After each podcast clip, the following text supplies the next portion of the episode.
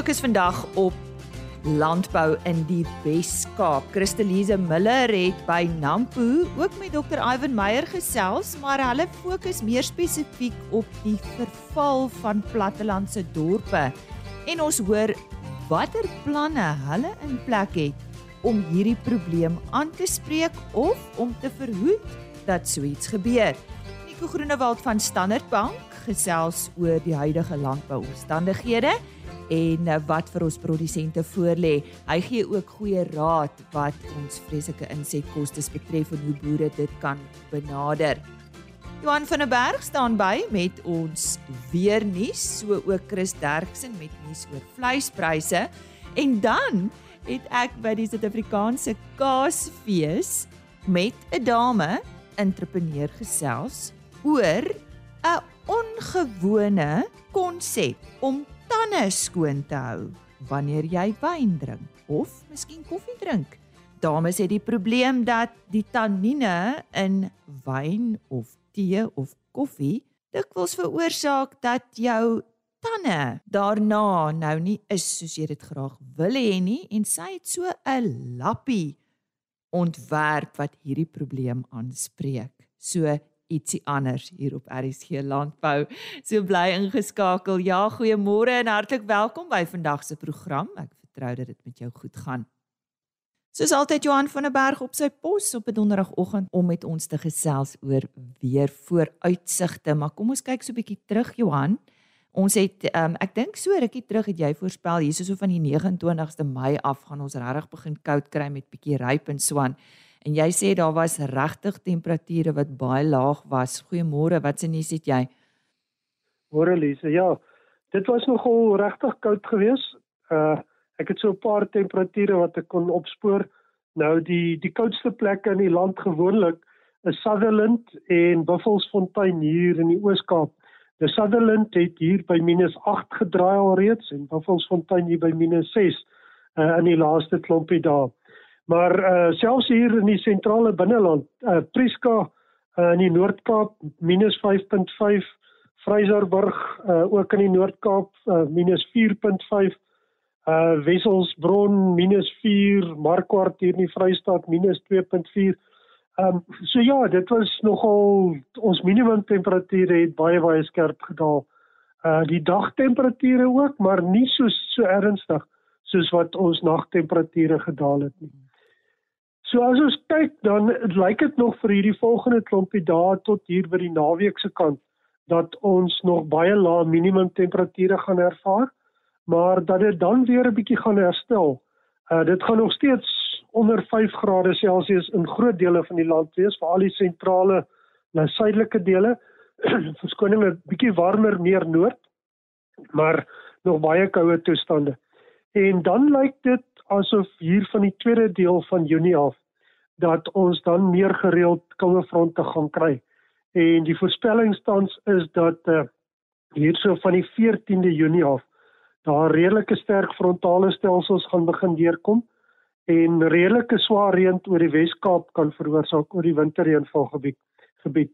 Op hierdie stadium lyk dit asof daar meer as 50 mm kan voorkom hier van die helfte van die maand af, redelike swaar reën Uh so ek dink ons moet maar kyk hoe vorder daardie stelsel. Ons sal volgende week weer daaroor gesels. Maar dit kan wees dat dit 'n uh, baie swaar reën kan wees uh en dat ons al moet voorbereid wees. Maar ons sal volgende week sal ons dan beter meer uh, inligting daaroor kan gee. Ja. So sê Johan van der Berg. Die Junie Veeplaas tydskrif is nou ook op winkelrakke beskikbaar. Kom ons hoor waaroor jy kan lees in hierdie maand se uitgawe. Ons sluit aan by professor Frikkie Marie. Hy is die redakteur van die Veeplaas. Dankie Lize. Junie maand is hier en daarmee saam met die winter duidelik aangebreek. Ons voel dat die dagtemperature begin knyp as jy bietjie in die platteland ry sien jy die veld is ryp en mielies staan op die lande en wag om gestroop te word. Hierdie maand se uh, veeplaas aan fokus dan bietjie op genetika en die hoofartikel gaan oor genetiese verbetering in Suid-Afrikaanse kuddes. In die rooi vleisbedryf is 'n artikel oor die strategie om back and closure vrye status weer te herwin. In die veselbedryf kyk ons na Sharmak Marinos wat gedei in die Sneeuberge.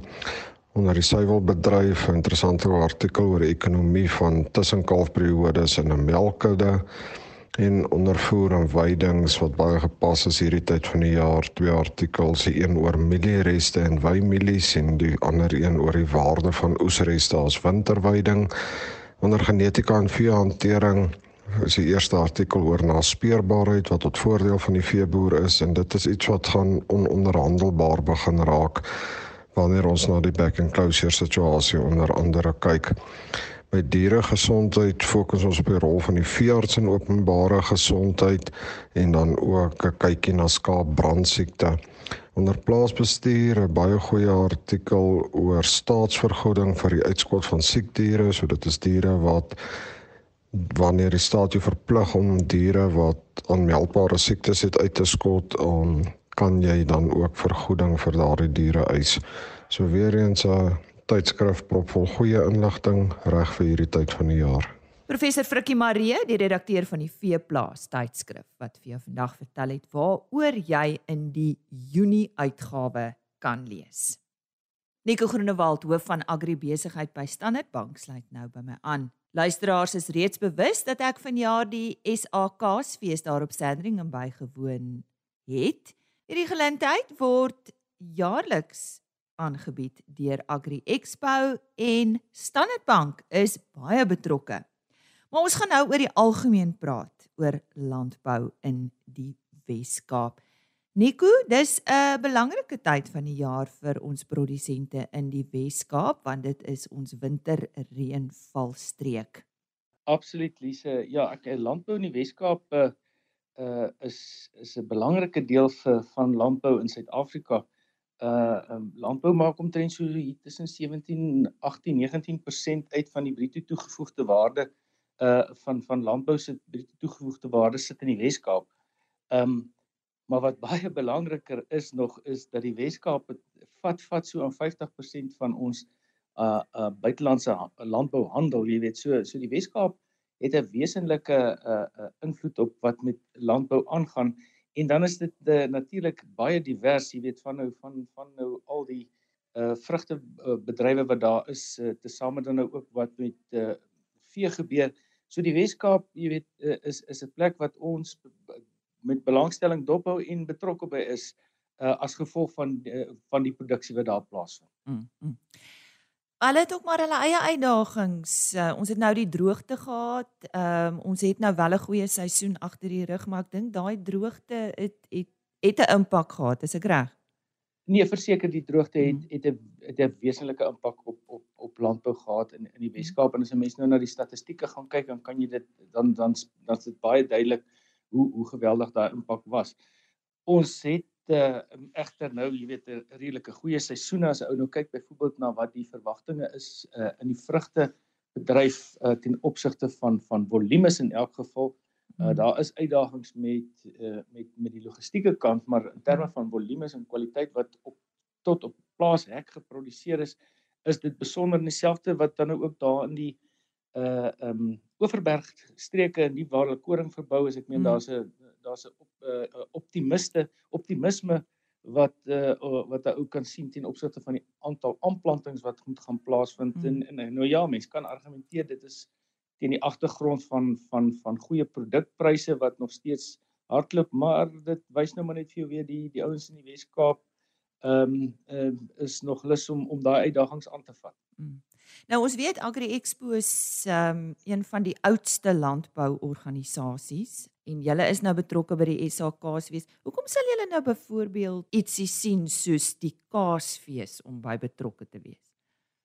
Weet jy Lise, ehm um, landbou, ons praat altyd in landbou uh, in gereeld is dit 'n onderwerp uh, vir bespreking is die sogenaamde waardeketTINGS. Ja. Ehm um, en die Kaasfees is net 'n 'n 'n 'n 'n verstaldering van van van wat met 'n waardeketting kan gebeur. Ek meen daar is nou 'n uh, 'n fokus op die suiwelbedryf, maar uh daar is soveel uh addisionele goed wat bygesit word tot dit 'n uh, uh jy weet 'n ding wat ook groot is in die in die in die Wes-Kaap is agritourisme.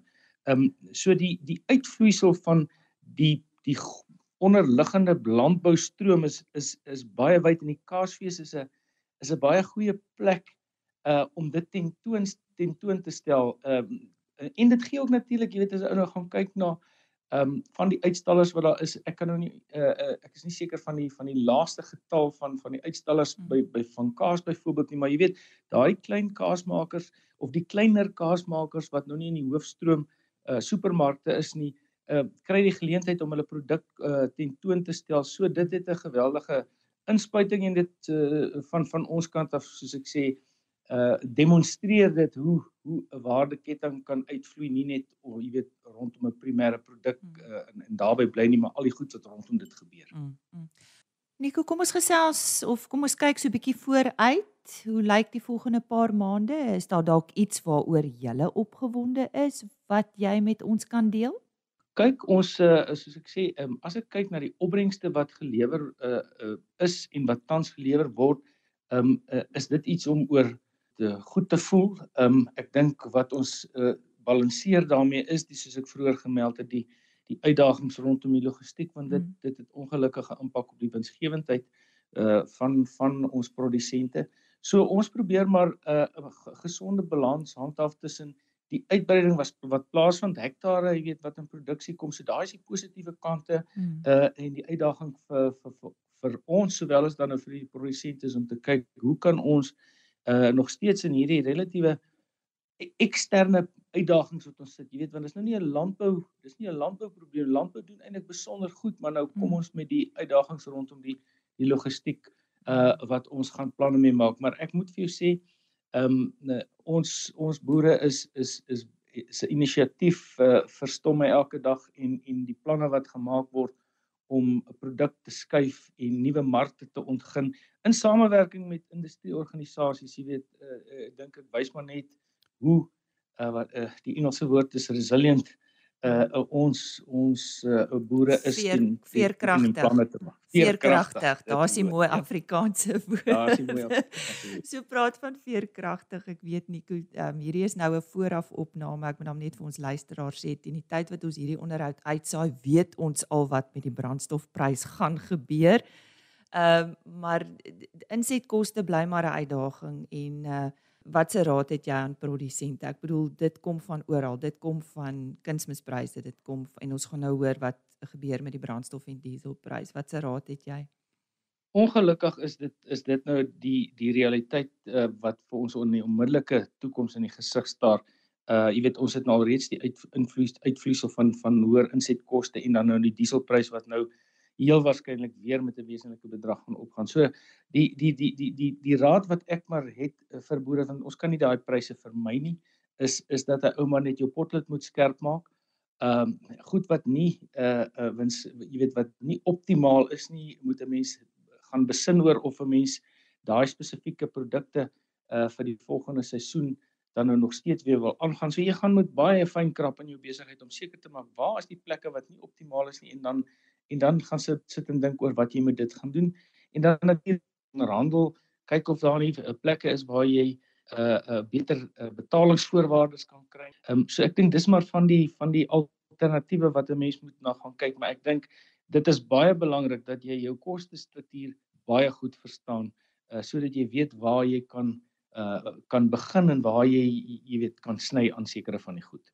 Goeie raad vanaf Nico Groenewald, hoof van agribesigheid by Standard Bank. En nou vir die laaste RC landbou bydra vanaf vanjaar se SA Kaasfees. En dit gaan alles oor skoon tande. En die persoon met wie ek daar gesels het, is die entrepreneur Suzet Miller. Suzet Wyn tande, W I J N. Dis nou die die die die is dit nie die Hollandse manier van wyn.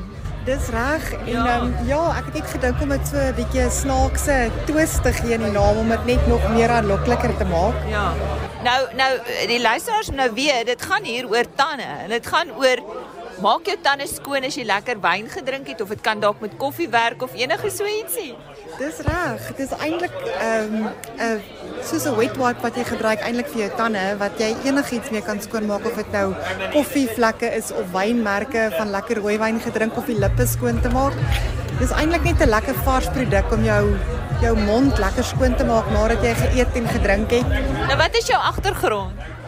Man, ek is eintlik net 'n entrepreneur wat die idee net uitgedink het omdat ek juis ook hou van rooiwyn drink en ek het agtergekom wat dit doen aan jou tande. Ek het gesien hoe lyk dit as ek in die spieël kyk na 'n glas rooiwyn. So dit het my net besluit om 'n plan te maak en ek het nou maar net hierdie tipe van wet wipe ontwerp wat spesifiek oor jou vingerpas en jou mond lekker skoon kan maak. So wat doen jy? Ek sien jy ja, jy het hom nou om jou vinger en dan wat? Druk jy dit in jou in jou mond of wat? Ja, ja, jy jy maak jou mond skoon letterlik met die lappie en dan ja, hy los dit 'n lekker ment smaak ook in jou mond en jou mond voel sommer lekker vars jy klaar geëet. So wat is nou? Wat is op die lappie of waar waar uit bestaan dit? Die lappie is eintlik net maar net 'n paar druppeltjies alkohol en dan ook pepermentdruppels, maar dit is eintlik maar die tekstuur van die lappie wat lekker skoon maak. So dit is nie 'n whitener nie, dit is eintlik net 'n cleaner. Ja, ja. 'n Cleaning agent wat jou tande lekker skoon maak, veral by so 'n fees. Jy weet mos die mense is lief om knoffel te eet en net lekker te kuier en te eet en te drink. Dis waaroor die dag gaan, hè. So hy maak nie tande wit nie, hy maak hom net skoon. Dis reg. Ja, ja, ja. dis dis eintlik soos 'n weggooi tandeborsel, kan ek maar sê.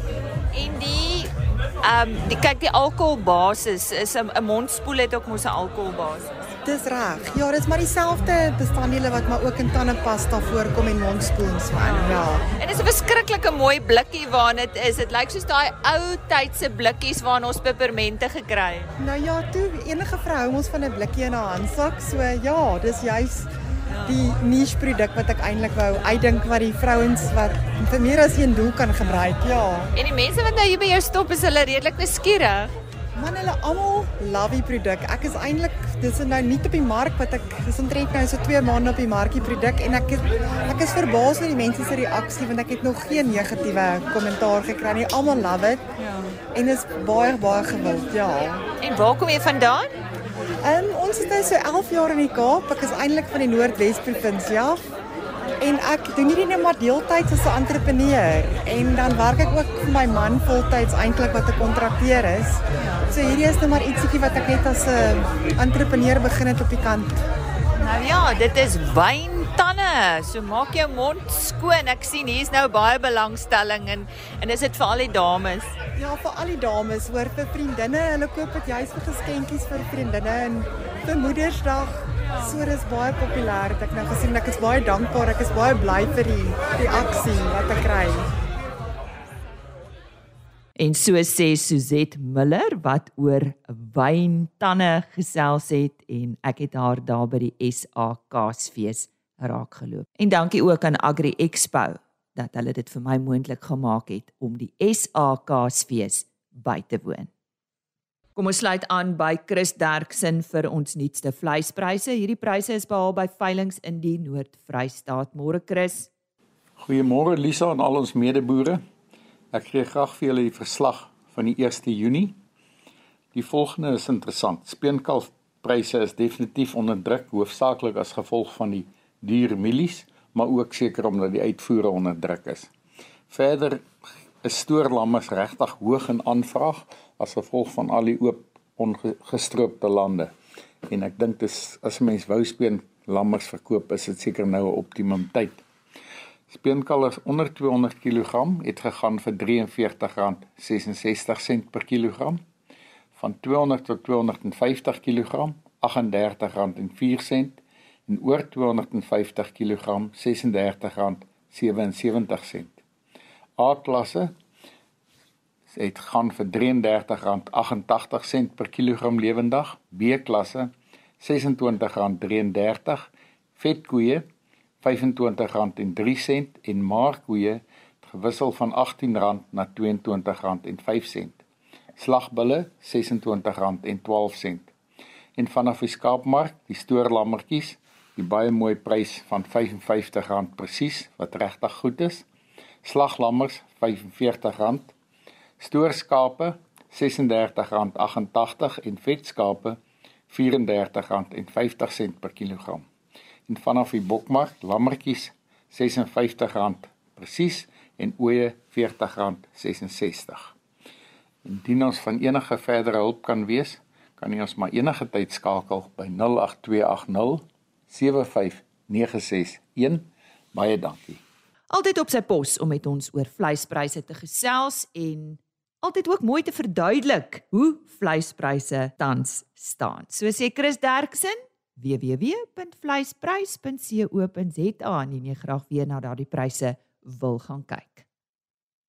Die departement van landbou in die Wes-Kaap glo goeie etiese morele leierskap is die beginpunt om die agteruitgang in plattelandse gebiede aan te spreek. Die landboubedryf het ook 'n reuse rol om te speel in die herlewing van die platteland. Christelise Miller het met die minister van landbou in die provinsie, Dr. Ivan Meyer, gepraat. Minister, goeiedag. Ons kyk na die verval. Die platteland en plattelandse dorpe. Wat is die oplossing en wat doen julle in die Wes-Kaap om die kwessie aan te spreek? Wel, die verval van dorpe is eerstens die swak toestande wat ons sien veral by munisipaliteite. Dwars oor Suid-Afrika sien ons die verval instrumenteel in die verval is die onbevoegdheid die onbekwaamheid van munisipaliteite die grootskaalse korrupsie.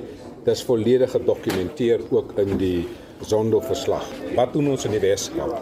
Alles begin by goeie etiese morele leierskap. Niks kan jy regkry as jy mense aanstel wat onbevoeg, onbekwaam en korrup is nie. So ons stel burgemeesters aan deur formele toetse. Ons evalueer hulle. Ons maak seker dat hulle bevoegd en bekwaam is, gee hulle die nodige opleiding en maak seker dat hulle in die Wes-Kaap voldoen aan die hoogste etiese en morele standaarde. Selfs in die Wes-Kaap ons ministers elkeen van ons moes 'n lewenstyl audit onderneem sogenaamde lifestyle audit. Ons banksaake, ons eiendom, my vrou se banksaake was ook geëvalueer. So ons het begin bekyk, het ons etiese mense in die regering, hoe lyk hulle private finansies? Want as daar dinge verkeerd gaan, kan jy net verwag wat gaan in die staat gebeur. So dit is vir ons belangrik. Dan het ons 'n studie gedoen, die groeipotensiaal van dorpe en stede dan sien jy waar is die groeipotensiaal. Dan moet jy seker maak dat die groeipotensiaal van dorpe en stede 'n ontwikkelingsplan het en daardie ontwikkelingsplan moet geïnstitusionaliseer word in die munisipaliteit se geïntegreerde ontwikkelingsplan. Wanneer jy dit doen, dan moet daar befondsing kom, ook infrastruktuurbeplanning. So byvoorbeeld is die grootste sagte vrugtebedryf suid van die Ewenaar is in die Kaapse Wynlande. Wat beteken dit? Jy moet die beste infrastruktuur hê in die Kaapse Wynlande. Van die Weskaap is verantwoordelik vir 53% van Suid-Afrika se landbou-uitvoerprodukte. Daardie produkte moet by 'n mark kom.